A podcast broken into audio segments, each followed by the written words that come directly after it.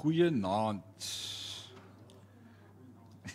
Wat 'n heerlike voorreg om saam met jou te mag kuier rondom God se woord by hierdie heerlike geleentheid om sy woord te kan oopmaak. Die woord leer ons waar twee of drie bymekaar kom in my naam daar is ek in julle midde. En dis 'n blessing om saam met enige iemand die woord te kan oopmaak. Dit is net so kosbaar. Dit is so kosbaar. Daar's net iets daaromtrent as jy gebless wil wees of die dag bietjie afvoel. Uh gaan lees saam met iemand Bybel. Ek sê ernstig. Stap net na iemand toe met jou Bybel en sê hoorie kom ons lees net twee verse saam. Daar gebeur iets. It's great. Sommige net 'n uh, 'n brag en 'n getuienis. Ek het altyd in woordskool baie keer Flavius Josephus aangehaal, die geskiedskrywer vir wat hy alles vir ons leer in die hy het in die tyd van Jesus geleef. Hy was 'n Jood. Uh hy was 'n education, hy was educated en hy het die geskiedenis opgeskryf van die Jode in Israel in daardie tyd. En hy was nie 'n Christen nie, hy was 'n Jood. En toe het hy hierdie boek geskryf wat vir ons deur die geskiedenis bewaar is. Dis nie die oorspronklike hierdie nie, hoor. Dit was uh scrolls en uh hy leer vir ons baie van die goed aangaande dit wat gebeur het in Jesus se lewe as 'n buitestander. En ek het altyd sy inligting op die internet gemoes Google en toe dok Horak laas jaar September oorlede is en ek erf sy hele biblioteek en ek trek al sy bokse boeke van Bloem af Parys toe en ek pak dit uit toe kry ek my eie Flavius Josephus na al die jare Dis vrek klein geskryf en vier kolomme. Dis 'n boek en 'n half hierdie. Uh ek dink nie jy gaan hom in jou lewe deur lees nie, maar dit is 'n blessing, so bevestiging op wat in Jesus se lewe gebeur het. Uh hy vertel vir ons dat Jesus na die 40 geselhoue wat hom toegedien is, omdat hy dit Jesus gegeesel is vir ons, pak slaag gegee is dat sy onthou daai karwats is vol stukkies been en glas en hoeke en dinge en dan sou hom op sy rug slaan en dit uitruk en met elke keer so uitruk sou daar van sy vleis uit sy rug uitgeskeur word en hy sê na 40 houe met die karwats kon jy van agter af deur Jesus se ribbes sy longe sien asemhaal. Wow. He paid a price he did not owe. Jy sal hom geskoop kan kry en veral in 'n PDF formaat dalk ook op die internet definitief. J O S E P U H U S Josephus en uh, dis die complete works uh van Flavius Josephus. Kom ons sit net so en ons bid saam en dan begin ons. Ewige God. Hemelse Vader. Die Gees van God. Heilige Gees. Koning Jesus, ons verlosser en saligmaker. Ons skuld U ons lewe. Alles wat ons het is net U genade. Alles wat ons het is U genade. Alles wat ons besit Hm, behoort aan U. Dis vir ons geleen. Ons is net rentmeesters op hierdie aarde. Op pad na ons ewige bestemming. My gebed is dat vanaand se teks met ons sal praat. Die woord weer eens vir ons sal oopbreek. Dankie dat U woord aan ons bytel en aan ons verander en ons nuut maak. En ons kan vanaand verklaar ons is nie meer waar ons was nie. Ons is dalk nog nie waar ons moet wees nie, maar ons is op pad en dankie dat U met ons genade en geduld het en dat U woord vir ons leer dis U wat in ons werk om te wil en ook dat U die werk wat U in ons begin het sal volëindig. Aan U al die lof en al die eer en al die aanbidding van ons harte is my gebed in Jesus naam en Sion sê amen en amen. 1 Korintiërs hoofstuk 4 jy nog nie koffie gekry het nie, is jy welkom om vir jou te kom haal. En ons gaan sommer lekker saam kuier uit die woord uit vanaand. Drieke is lekker om jou hier te sien vanaand. Welkom by die huis. 1 Korintiërs 4 van vers 1 af en ons gaan so stukkie vir stukkie lees. Ek gaan vir jou eerste 5 verse lees en dan praat ons oor daardie gedeelte en so sal ons vanaand dan aangaan. Dit beteken dat ons moet beskou as blote diensknegte van Christus. Ja, as mense wat God se diepsinnige planne moet help bestuur. Van bestuurders word verwag dat hulle hulle self as betroubaar sal bewys. Wat van my? Was ek betroubaar? Dit is my werklik nie belangrik hoe julle of enige menslike regsbank my beoordeel nie. Ek vertrou selfs nie eers my eie oordeel in hierdie opsig nie.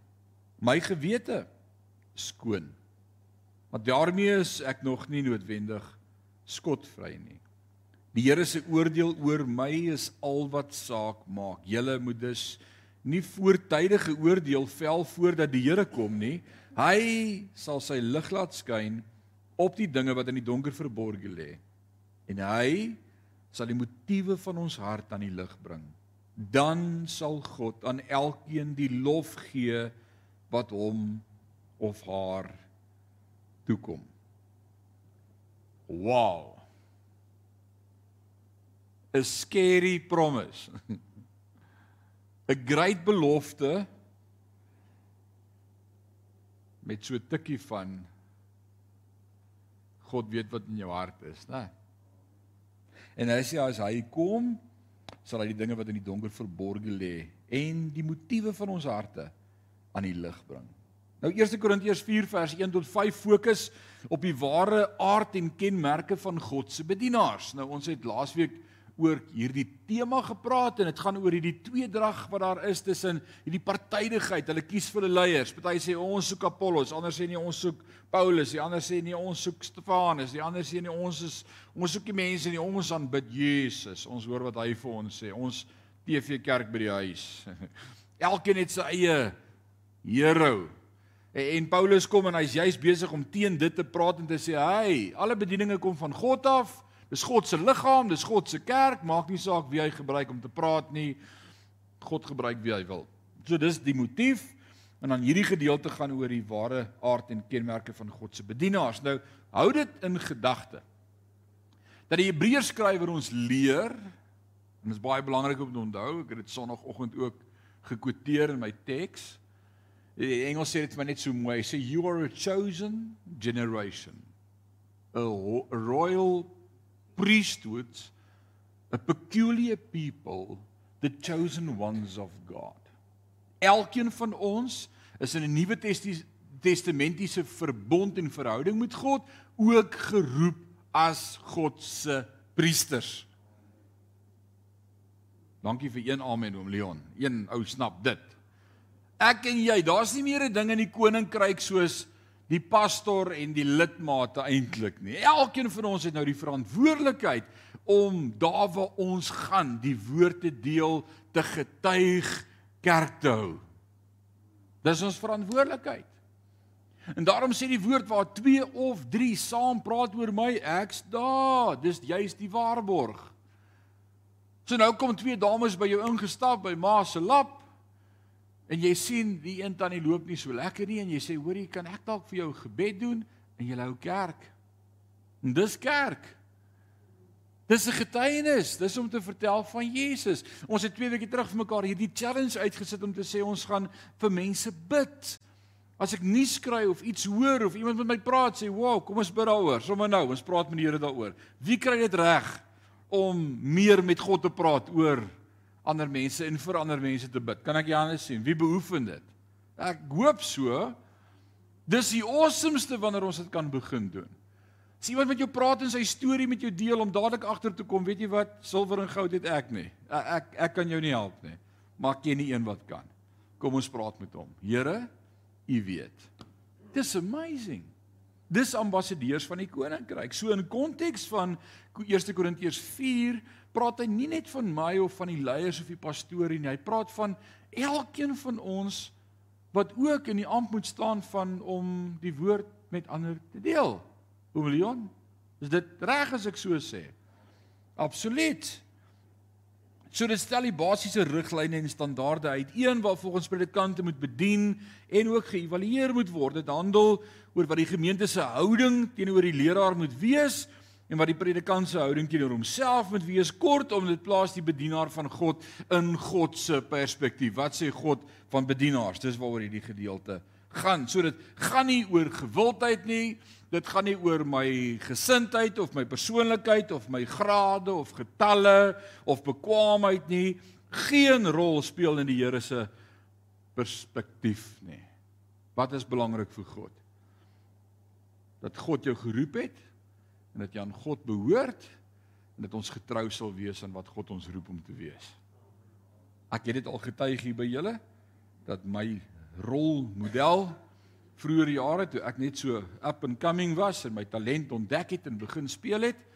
En ek het julle vertel daarin Ermelo vir die straat 28 by die AGS gemeente het ek baie aande die kerk se bossleutels stilletjies gevat uitgeslyp verby die kamervenster tot by die kerk en dan kan ek net die ligte aansit nie want dan gaan my maale sien daar's iemand by die kerk en dan het ek in die pikdonker voor daai vleuelklavier gaan sit en my gevisualiseer hier's mense en ek lei hulle in worship En vandag nog kyk ek nie op my vingers nie. God het my gehelp om sonder dat ek kyk te kan speel. Ek kan ook nie bladmusiek lees nie want in die donker is daar nie bladmusiek nie.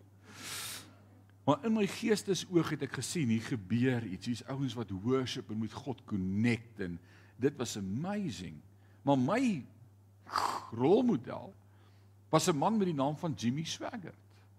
Hy was die evangelis van die FSA, man, en hy kon klavier speel en hy het gepreek en Jesus, like ek wou soos oom Jimmy wees. En in my eerste gemeente waar my beroep as musiekdirekteur in Rustenburg in 1996 toe probeer ek soos Jimmy wees. En na so 3 maande een aand, toe maak die Here my wakker en hy sê vir my luister, ek het al 'n Jimmy. Ek soek nie nog een nie. Ek soek net vir jou. Yes. God soek net vir jou. En ons probeer baie keer in die skare weer van ander loop en praat soos ander en preek soos ander en bedien soos ander. God soek net vir jou. Dit beteken dat jy ons moet beskou as blote diensknegte. Dis sy opening statement hier in hoofstuk 4. En daai blote diensknegte regard as uh, daai daai Griekse woordjie is die woordjie logosomai logosomai wat beteken dis 'n rekenkundige term wat 'n mens laat dink aan die balansering van boeke.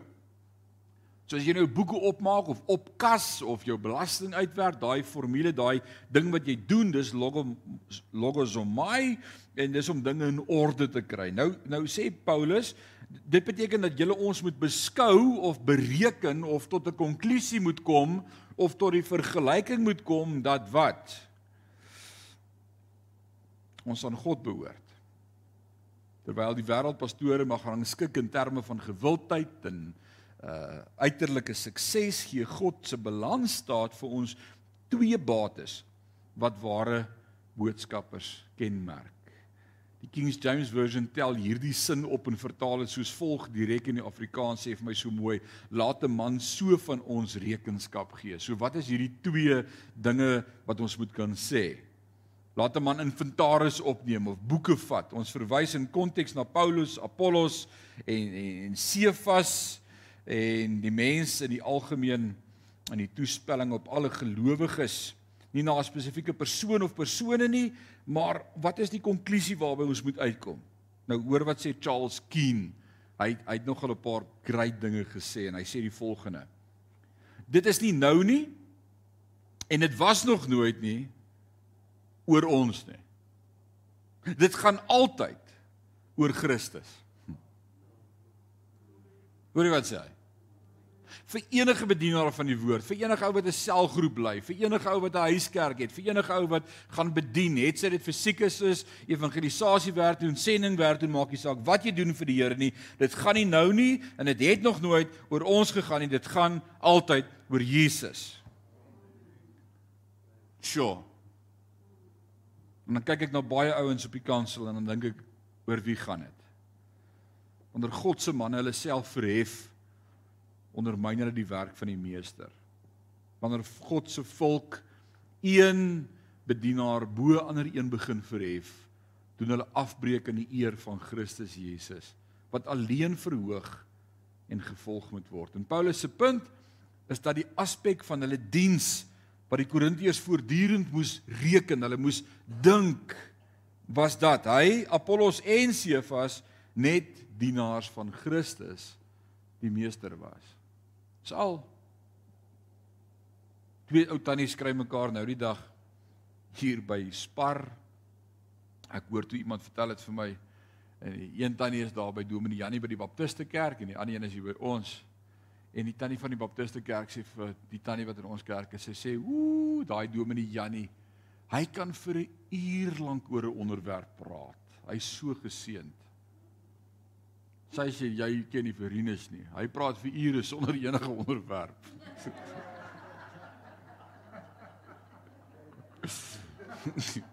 Dis 'n grap. Ek en Janie spot self daaroor. Maar maar dat God maak nie saak in wie se kerk of wie se kansel, wie waar wat is nie, dat God die eer sal kry. As dit jou lewe is, nou. Gaan nie oor 'n mens nie, dit gaan altyd oor God. G Campbell Morgan, ek quote hom lately elke week klink dit vir my. Maar dis maar iemand na wie jy kan luister as hy skryf. Hy sê oor 1 Korintiërs 4 die volgende: Christelike leraars is bedienaars van Christus. En dit definieer hul verantwoordelikheid. Hulle is rentmeesters van die verborgenhede van God. Dis dis 'n mondvol. Bedienaars van God se verborgenhede. Wat wat deel ons? Wat bring ons? Wat share ons? Die dieptes van God. Nie my eie stories nie. God se diepte, sy stories. Ons is rentmeesters van die verborgenhede van God. Wow. Die Here sal by sy koms die oordeel uitspreek. Paulus sê ek het nie 'n saak wat julle van my dink nie. Oppas net dat julle my nie te vroeg judge nie want as die Here kom gaan hy my judge. Maar hy gaan ons almal judge. En dit wat in jou hart is, gaan hy aan die lig bring. Die motiewe van die harte. Wow.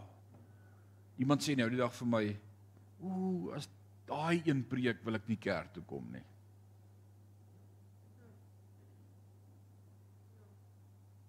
Ek sê maak nie saak wie preek nie.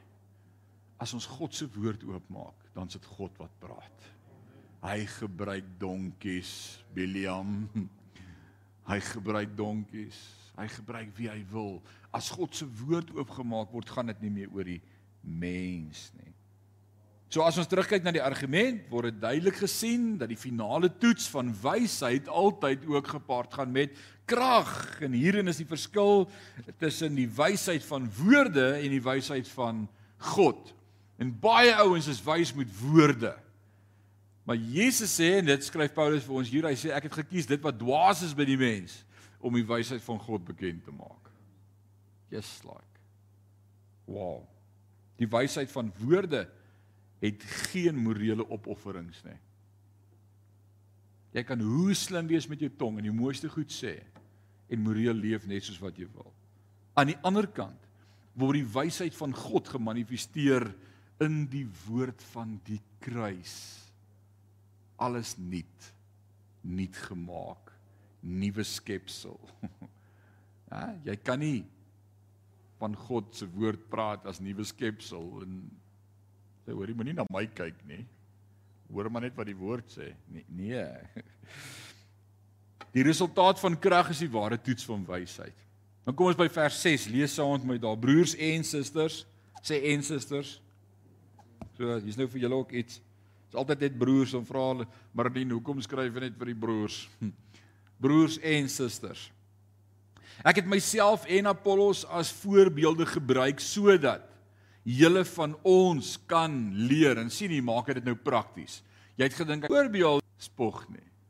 Sjoe.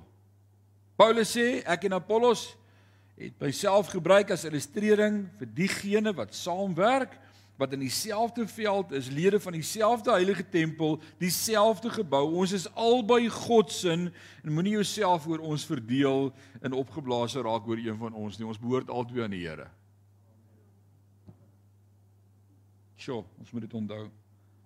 Vers 7 sê: Wat maak jou beter as enige ander gelowige? Wat het jy van God nie? Wat het jy wat God nie aan jou gegee het nie? En as dit dan aan jou gegee is, hoe spog jy dan asof jy op eie houtjie presteer het? Jy's hier raak hy nou. Nou trek jy die knoop so styf om my nek. Hy doen net so saggies oorgesit en nou nou nou verloor hy so bietjie sy koel. Cool. Dok hoor ek het gesê sy spring haak nou bietjie uit. Sy ref stel nou op. Hoor jy hoe raak hy? Wat maak jou beter as enige ander gelowige? Wat het jy wat God nie aan jou gegee het nie? En as dit aan jou gegee is, hoe spog jy dan asof jy op jou eie houtjie presteer het? En Paulus die teoloog by uitstek het 'n verstand slimmer en skerper as enige een van ons. Ek ek admireer hom vir die wysheid wat hy openbaar van God. En Apollos was die gepoleerde redenaar. Man, hy kon praat. Hy was charisma, nie. Hy het die manne beïndruk met sy retoriek en kragtige persoonlikheid, maar albei is deur God gemaak. God het Paulus sy vermoë gegee. God het Apollos sy vermoë gegee. God het Jimmy Swaggart sy talent gegee en hy het vir my myne gegee. Ons moet ophou om dit op te weeg teen mekaar. En baie keer in groepe sit ons met 'n swak selfbeeld wat iemand swaar probeer om om soos iemand in sy oë te lyk wat suksesvol is. Maar as God na jou kyk, dan smile hy. Dawid die skaapwagter agter die skape in die veld. En sy eie oë nie naaste by soos sy broers nie. En die priester kom en hy sê vir Eli: "Waar's die seuns en hy bring al die seuns Jesse, né? Bring al sy seuns en hy almal deurgekyk en dan sê hy, "Wow, dis jy het pragtige seuns, maar is nie een van hulle nie." Dit kan nie wees nie. Kan nie kan nie wees nie. Dit moet een van hulle wees, my beste. Dis nee, jy nog kinders, is een Dawid kan nie hy wees nie. Kan nie Dawid wees nie. Die pa dink nie eers dit kan Dawid wees nie. Hoor mooi wat gebeur. En dan roep hy nou maar vir Dawid en sê Dawid, skie stap net vinnig verby dat ons hierdie agter kry en dat hy kan sien is nie jy nie. En as Dawid verbykom en sê, "Woah, hierdie is 'n man van God. God het jou gekies as koning, my vriend." Oppas dat jy jouself diskwalifiseer en dink jy's nie waardig nie, jy lyk nie soos die nie, jy kan nie praat nie. Moses sê ek ha ha ha hakkel. As God jou gebruik Sjoe, ons het baie verskonings hoekom ons nie wil hê God moet ons gebruik nie. So hy sy hele redenasie hier in vers 7 is albei is deur God gemaak. Wie maak ons anders van mekaar as hy vra? Wie het Apollos Apollos gemaak en vir my Paulus? God. Wie gee ons uniekheid en individualisme? God. So hoekom roem ons in onsself of in enige ander persoon as dit God is wat elkeen van ons gemaak het soos ons is? Aan hom kom alle eer toe vir sy kreatiwiteit en ek wil byvoeg sin vir humor. Ja, hy het 'n sin vir humor. Glo jy dit? Gaan kyk in die spieël. Hy het 'n sin vir humor. En hy maak gebruik van mense soos ek en jy. En as ek God moes wees, sou ek my nie gebruik het nie. Nee, ek sou nie. As ek God moet wees, wonder ek wie sou ek kies as leiers vir my kerk. Maar dalk is dit juis hoe hy sy genade aan ons wil bewys om te sê ek roep wie ek wil en ek gebruik wat dwaas is vir die mense om te doen wat ek wil. Toe ek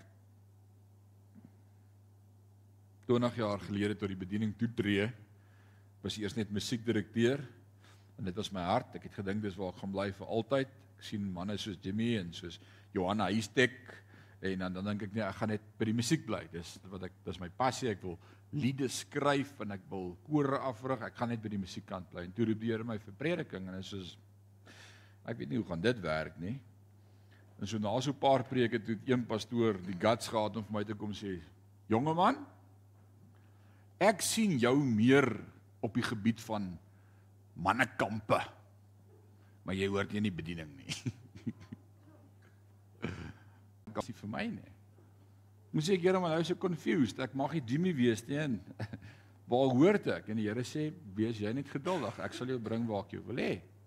En ek dink dis een van die groot dinge in die lewe wat ek en jy moet leer, is net geduld. God se timing is perfek. Is God klaar met jou? Hy is nie klaar met my nie. Hy's op pad. En dis great. Alraight. Kom ons lees van vers 8 af. Waar julle gedeelte daai Perakobus van vers 8 tot 13, ons gaan dit as 'n eenheid na kyk. Hy sê julle is so absoluut selfvoldaan. Nou kyk ou Paulus. hy hy kan dit sê. Hy kan 'n hou uitdeel. Nou, hier sy refmeter nou in die in die rooi. Hy sê julle is so absoluut selfvoldaan. Julle dink julle is klaar skatryk. Sonder ons het julle al klaar konings geword. Ek wens dit was werklik die geval want nou ons ons almal saam met julle op trone gesit het. En soms lyk dit vir my of God ons wat apostels is, die heel agterste plek in die prosesie toegeken het. Ons is soos ter dood veroordeeldes wat in die arena moet sterf. 'n Skouspel waarmee die hele wêreld spot, en engele sowel as mense. Ons toewyding aan Christus laat ons dwaas lyk. Maar julle is mos die Christene wat weet. Ons is broos, maar julle is die sterkes. Julle is die mense wat aansien, maar ons is veragtes. Tot nou toe ly ons honger en dors. Ons is skamel aangetrek. Ons word geslaan en het geen tuiste nie, maar ons moet soeg deur met ons eie hande te werk. Die seën, ons seën die wat ons uitskel. Ons is geduldig met hulle wat ons vervloek. Ons bly vriendelik wanneer ons beskinder word. Ons het die uitvaagsels van die wêreld geword. Almal se sonnebokke en So is dit nog steeds. So dis iets van Paulus se hart van hoe hy voel as bedienaar en jy kry daardie goeie prentjie as jy in 2 Korintiërs lees van alles waartoe hy moes gaan in sy lewe. Is dit nie? Ons het so 2 weke terug daaroor gepraat en daarna gekyk as hy sê ek is met stokke geslaan, ek is uh ek is 40 slaap beslag gegee 4 maal, ek het 3 keer skibreek gelei, honger, naak, gevaar, kaal. Uh ek weet van. Ek is deur al hierdie goed in my lewe. En nou sê hy so iets van hulle oor julle wil spog oor wat 'n pastor julle like. Kom ek sê net vir julle iets van wat in ons eie lewe aangaan. Ons voel soos die uitvaagsels. Julle is die rykes en die slimmes en julle sit daaronder en ons voel soos ape hiervoor. Dis dis dis sy argument, dis wat hy sê. Julle kyk na ons en judge ons, ons het niks. Uh, hy hy hy sê tot nou toe ly ons honger en dors, ons is skamel aangetrek, ons word geslaan en ons het geen tuiste nie en julle wil oor ons beklei. So hy sit hulle nou bietjie op hulle plek. Effens bietjie. En ons gaan nou sien hoe herstel hy van hierdie uit want jy kan nie onthou hy het met sy hand geskryf en hy wil nie 'n bladsy sommer uitdruk nie. Hy los dit toe maar en hy probeer dit nou dan maar mooi mooi regmaak. In, interessant. En ek wil vir jou dit sê as as bedienaar en en ek kan vanaand saam met Paulus sê amen. En hoor mooi my hart. Ons seën die wat ons uitskel. Ons is geduldig met hulle wat ons vervolg. Ons bly vriendelik wanneer ons beskinder word. Dis iets wat jy in die bediening beleef. Jy het dit nou nog nie gedink nie, maar hoor wat ek vir jou sê. Dis die oom en die tannie wat vir jou kwaad raak en jou mooi vertel hoe jy in die hel gaan kom. En dan raak hulle siek en dan is dit dieselfde mense wat jou bel en sê jy beter nou vir ons kom bid. En as die een dood is dan moet jy ons begrawe en jy moet mooi praat. En dan bless jy hulle. Want dis jou hart, want dis die bediening. Jy het al ooit gedink? Paulus het dit 2000 jaar terug al beleef. Ek is nie uniek nie. Nie een van ons in die bediening is uniek nie, want dis die bediening. Elkeen het 'n opinie En weet jy wat ons hart, ons bly bedien, ons bly bid, ons bly preek, ons bly bless, ons bly lief, ons ons hart. God het ons geroep vir die bediening. Dit is vir jou vanaand 'n voorbeeld vir hoe jy ook in jou lewe moet wees met ander. As ek die woorde hoor, ek het iemand afgeskryf. Dan sidder ek. Mag God ons help as kind van God, kan ek dit nie sê nie. Nee, my genade is nou klaar. Nou het ek genoeg gehad. My geduld is nou op. Sorry, kan nie. Skind van God. Weer oor. OK, dis vir iemand vanaand. Vers 14. Wat ek skryf, bedoel ek nie kwetsend sin nie. Hier hier hier probeer hy nou mooi reverse. Dalk lees hy dit weer deur Athene en hy sê, "Sjoe, wie het hier geskryf? Dis bietjie harsh, né, sê ons mos. Dis dis bietjie te hard. Die volume was dalk te sjoe. En nou nou staan hy so bietjie terug en hy sê, "Wat ek skryf, bedoel ek nie kwetsend nie. Dit daar's nie 'n steek in nie, maar om om julle te vermaan soos 'n mens maak met kinders wat jy liefhet. Kyk nou hoe mooi is dit hom nou mooi op sy plek gesit en gesê: "O, julle sit hier onder en weet alles en slim en ryk en die beste, né, maar ek ek ek, ek beklei nie. Ek sê dit soos soos 'n pa wat lief is vir sy kinders." Nee, Paulus. Yes, like.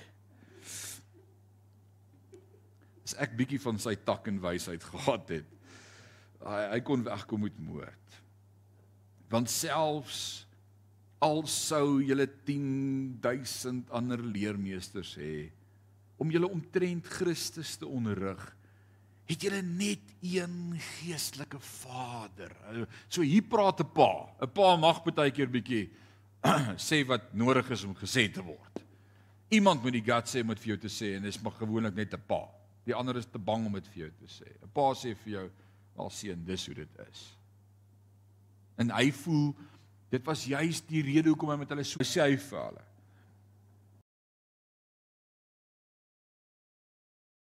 Nou wat met jou so kan praat. En dis jou geestelike pa. Maar ek wil gou hê jy moet dink aan wie's jou geestelike pa. En ek hoop elkeen van julle het 'n geestelike pa. Ek hoop regtig so. Ek dink is een van die moeilikste dinge om deur hierdie geestelike journey te gaan as kind van God, veral as nuut jong Christen en daar's nie 'n mentor in jou lewe wat jou bietjie net na die next level vat nie. En dalk is hy al oorlede.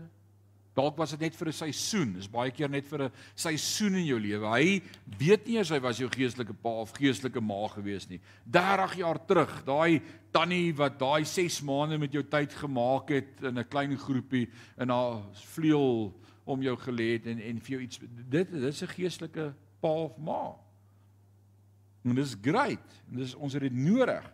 So wat beteken dit om 'n geestelike vader te wees? Om in die lewens van diegene wat die Here na jou lei in te spreek en hulle groot te maak, om hulle te lei na volwassenheid, om hulle te leer om te sê nee nee nee nee, kinders maak so. Groot mense in God maak nie so nie. Come on. Come on. Ons maak nie so nie. En jy sal die proses sien ontvou En toe ek hierdie sit en dink vanmiddag te dink ek ja, wragtig. Nou nou hoor mense Daar daar sit 'n jong man. As ek praat van 'n geestelike vader om hulle groot te maak in die vrese van die Here. Jy sal die proses sien ontvou deurdat hulle vir 'n aantal jare na jou sal kyk en dink jy kan niks verkeerd doen nie. Jy kyk na jou geestelike leier en jy dink beste. Jou pa is die sterkste en die slimste, vat sommer net jou aardse pa. Dis tyd wat jy gedink het hy is Jan van Riebeeck se Moses. Die beste. En dan terwyl hulle deur hulle geestelike adolessensie gaan, ewe skielik begin hulle dink jy kan niks reg doen nie. Ek sou dit nie so gedoen het nie. Dis dom. Hoekom doen pa dit so? Pa weet niks. Ek het gegoogel. It's life. Welkom in die groot mens lewe. Nou het jy ook 'n opinie, is reg, jy mag jy nê. En en en dan groei ons deur daai fase. Weet jy waarvan ek praat? Jesus, ek weet nie hoekom ek hom altyd op hierdie troon gesit nie. Hy weet eintlik niks nie. Alles wat hy doen is verkeerd. En dan uiteindelik hoe weet ons wanneer hulle volwassenheid bereik het? En ek het vanmiddag getraan in my oë gekry. As ek dink oor my eie pa en ek het die voorreg om hom nog in my lewe te hê. My eie pa. Reg of verkeerd. Jy is my geestelike vader en ek waardeer jou en is lief vir jou. Ek dank die Here my pa leef nog dat ek vir hom kan sê. Sjoe. Jy ken jouself vanaand, jy ken jou hart en jy het opinies en jy weet waar dis nog 'n goeie barometer oor waar jy geestelik is. Doen hy nog alles reg in jou oë? Is alles wat hy doen verkeerd? Of sê ek, "Jesus, hy is my mentor, reg verkeerd, ek het hom lief, ek staan by hom. Hy is my Vader." Kan ek 'n amen kry? Is dit is dit so? As jy terugdink na jou eie geestelike pa of na jou eie aardse vader, nê? Uh ons vertel mos op die seun se 21ste verjaarsdag hierdie grappie van van hierdie tiener wat groot geword het en sy pa was die slimste en die sterkste en die beste. En dan as jy hierdie in hulle tienerfase deurgaan dan dink hulle o ons pa's weet niks. Niks. Alles wat verkeerd is. En dan as 'n kind so 21 word, dan kan hy nie glo dat sy pa in so kort tydjie so baie geleer het nie.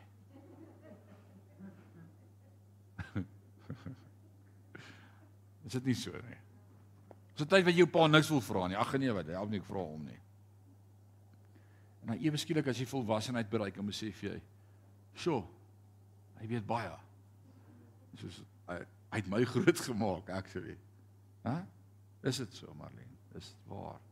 Party besef dit net te laat. En dan sê die spreekwoord te laat, te laat vir trane. Sjoe.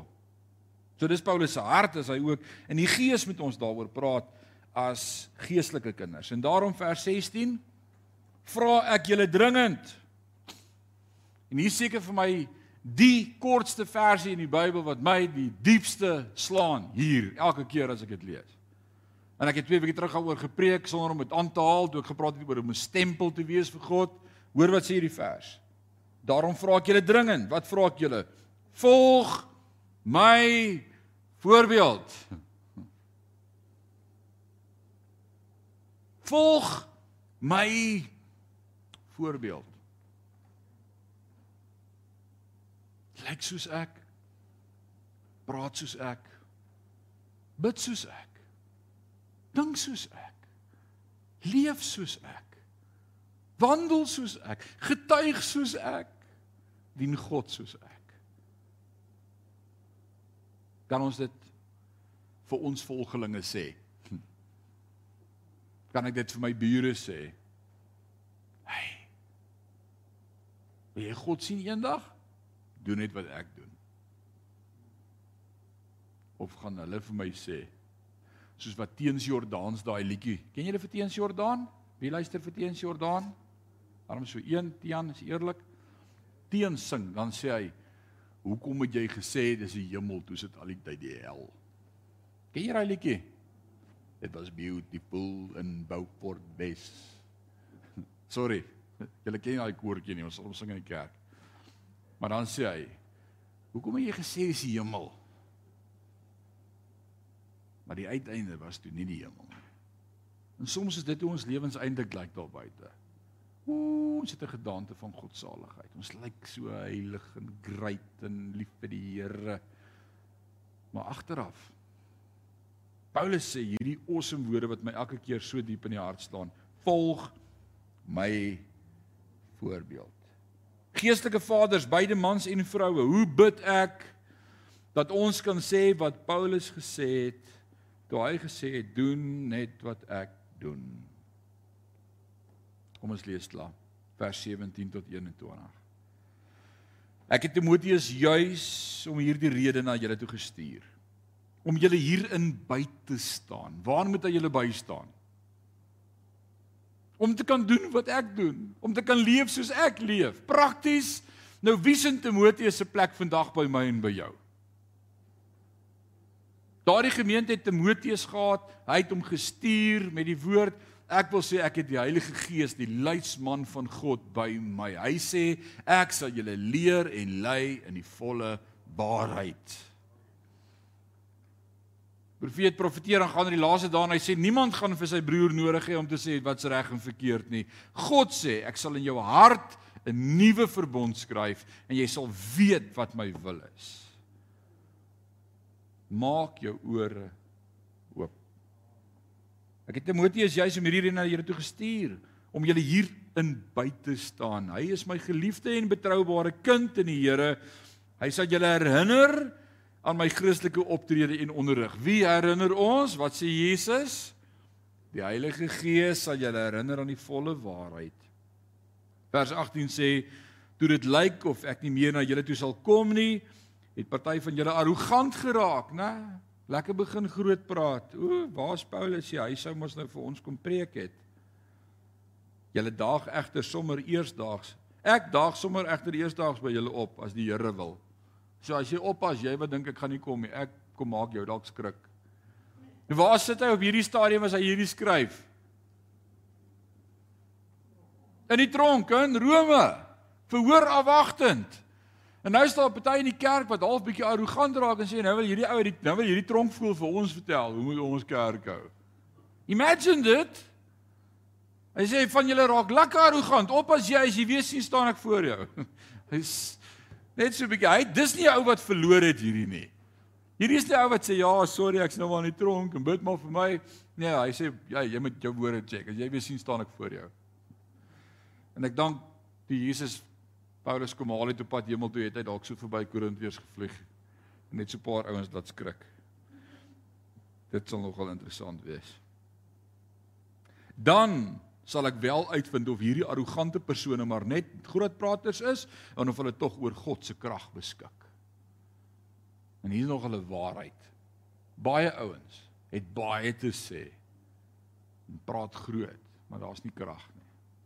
Geen krag van God nie.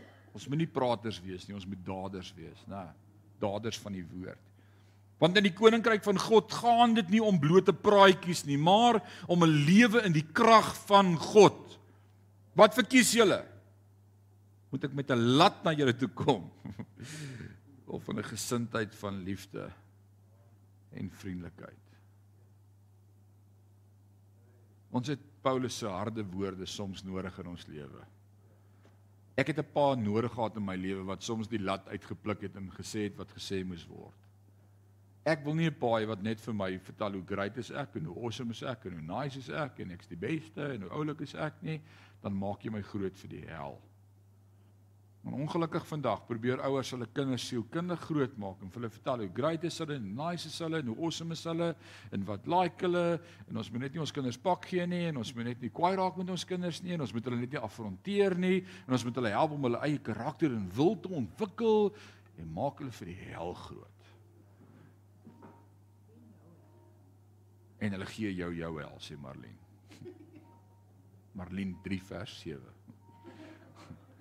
Dis waarheid. God se manier. As ek het jou lief genoeg om vir jou die waarheid te sê. En God het nog nooit met my die waarheid gepraat en ek was kwaad vir hom nie. As jy kwaad raak as iemand vir jou die waarheid en liefde sê, is daar fout. Dan sien jy nie 'n verhouding met die Here nie.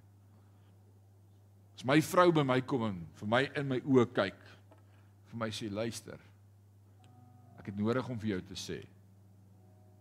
So so so. Ons is nie altyd lekker nie. En dan as ons jonk getroud is, dan wil ons daaroor beklei en sê daar's nie 'n manier nie. Dit kan nie wees so ek lyk nie. Dis die, die ek ken my hart. Ek sou dit nooit so gesê het nie. Dan dis sommer dit, dit kan nie waar wees nie. Ek sou dit nie gesê het nie. Jy luister soos jou ma. By the way, as die laaste woorde gewoonlik voor jy doodgaan. As jy 'n vrou sê sy so sal ma. Alraai. Maar maar maar toe moet ek leer. En hier's my raad sommer net my 5 sent vir enige verhouding. Jy nou vir my sê dis dis wat ek beleef, dis hoe jy praat, dis wat jy doen. Jy lyk geïrriteerd. Toe kom Dan sê ek ek ek wil jou reg verstaan. Lyk dit vir jou het ek reg gehoor jy sê en dan herhaal ek wat sy sê want ek wil myself so graag in haar voete in haar skoene plaas om seker te maak ek verstaan hoe sy voel oor hierdie ou van wie ons praat. Daai ou. Sien dis die probleem. Ons staan hier en ons wil retaliate. Sit jouself net 'n oomblik in die ander party se skoene en sê kom ons kyk na daai ou. Hoe het hy gemaak? Het, het hy so gemaak? Ek kan dit nie glo nie. Weet jy wat? Ek hoor wat jy sê. Dit was totaal al verkeerd. Ek sou dit ook nie like nie. Skus. Vergewe my. 5 sent. Daar's hy. Dit maak die wêreld se verskil in verhoudings. As die ander party hoor, jy hoor wat ek sê. Sal. Hoor net wat ek sê. Sit jouself net in my skoene en beleef wat ek moes beleef om na jou te kyk toe jy in hierdie huis kom. Ja, ek het nie geweet dit sou klink nie. Sorry. Hoor jy? Paulus het nodig om vir hierdie gemeente te sê dis hoe julle lyk. Maar ek sê dit want ek is lief vir julle en ek praat met julle soos 'n geestelike pa en ek doen dit net omdat ek lief is vir julle. Soms het ons nodig om in liefde die waarheid te praat. Is die woord nie awesome nie? Great. Paulus sê ek kom binnekort. En wil julle hê daardie dag moet 'n liefdesfees wees of 'n dag van dissipline moet laat? Ruk jou reg voor ek kom. Kry jou hart reg. Jesus het dit ook gesê in Openbaring 22 vers 20. Hy sê waarlik ek kom gou. En ek dink dis my urge vanaand om hierdie woord te deel met jou. Jesus kom ook. En ek het nou nodig om te hoor wat ek moet hoor. As wat hy eendag kom met die lat en vir my sê jy wou nie hoor nie. Dan wil ek vanaand sê Heilige Gees, praat met my. Sodat as Jesus kom, hy met 'n liefdesverhouding kan kom en ek sy bruid kan wees. Ek wil nie dan pak kry nie. Ek vat dit eerder nou. OK? Kom ons bid saam. Dankie vir die Heilige Gees net vanaand met elkeen van ons gepraat. Elkeen. Dalk is ons vanaand geestelike vaders in ander mense se lewens. Dalk is ons geestelike kinders van ander geestelike vaders. En ons is iewers in die proses. En ek wil bid, gee ons groot genade en geduld met mekaar. Gee ons die boldness om eerlik te kan wees en te sê wat gesê moet word maar dat ons ook sal let op ons eie lewe bo alles. Mag ons vanaand hierdie kort sinnetjie in vers 16 van Paulus ook ons in maak wat sê daarom vra ek julle dringend volg my voorbeeld. dis net iemand wat let op sy eie wandel wat dit kan sê Here. En dis ons gebed vanaand. Dat ons vir wêreld, vir die ouens om ons, ouens wat ons kyk, ons familie, vriende, huisgesinne, ouers, kinders sê volg my soos ek Christus volg. Ga, dit spreek van 'n lewe van heiligmaking en sondebelydenis. Dankie dat U met ons besig is. Dankie dat U nie opgee nie. Dankie dat U nie moeg word nie. Want as die woord sê hy wat die werk in ons begin het, sal dit klaarmaak. En ons sê vir U dankie daarvoor word verheerlik in hierdie week in ons lewe. Mag hierdie teks in ons harte begin lewe. Mag ons let op ons wandel en op ons voetspore en ook in ons eie verhoudings met ons geestelike vaders of as geestelike vaders in ander se lewe. Ons eer U daarvoor. Word verheerlik in naam van Jesus. Amen en amen.